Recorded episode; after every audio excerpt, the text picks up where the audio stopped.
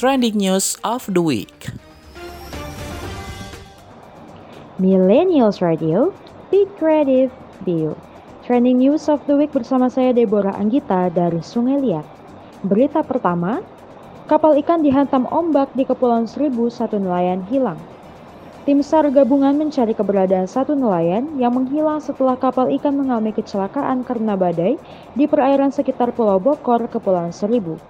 Personel Rescue Basarnas Jakarta bersama unsur SAR gabungan melakukan upaya pencarian terhadap seorang nelayan yang terjatuh dari kapal ikan putra Kalibeling di perairan sekitar Pulau Bokor. Desiana menuturkan, sebagai Kepala Basarnas Jakarta SAR, SAR Mission Coordinator atau SMC, mengungkapkan bahwa kapal ikan itu mengalami kecelakaan tersebut pada Jumat 9 Januari 2024 sekitar pukul 10 WIB. Ketika kapal tersebut berangkat dari Cituitis untuk mencari rajungan di sekitar Pulau Bokor, tiba-tiba badai datang, tuturnya. Ombak tinggi lalu menghantam kapal tersebut sehingga menyebabkan kapal berawak lima orang itu hilang kendali. Ombak tinggi menyebabkan kapal ikan hilang kendali dan seluruh awak kapal menyelamatkan diri dengan melompat ke laut.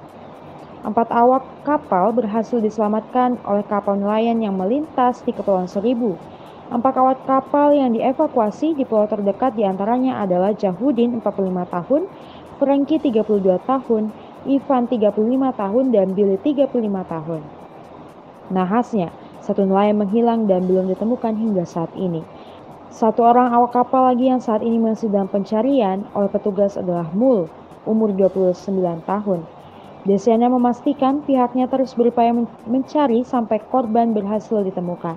Kami akan mengerahkan RBB atau Rigid Buoyancy Boat 01 Jakarta untuk menyisir perairan di sekitar Pulau Bokor hingga radius 2 nm dari lokasi kejadian ucapnya. Puluhan personel SAR gabungan dikerahkan dalam upaya pencarian terhadap korban, terdiri dari Basarnas Jakarta, Pol Air Polres Kepulauan Seribu, Damkar Kabupaten Kepulauan Seribu, AGD Dinkes Kepulauan Seribu, nelayan dan juga masyarakat.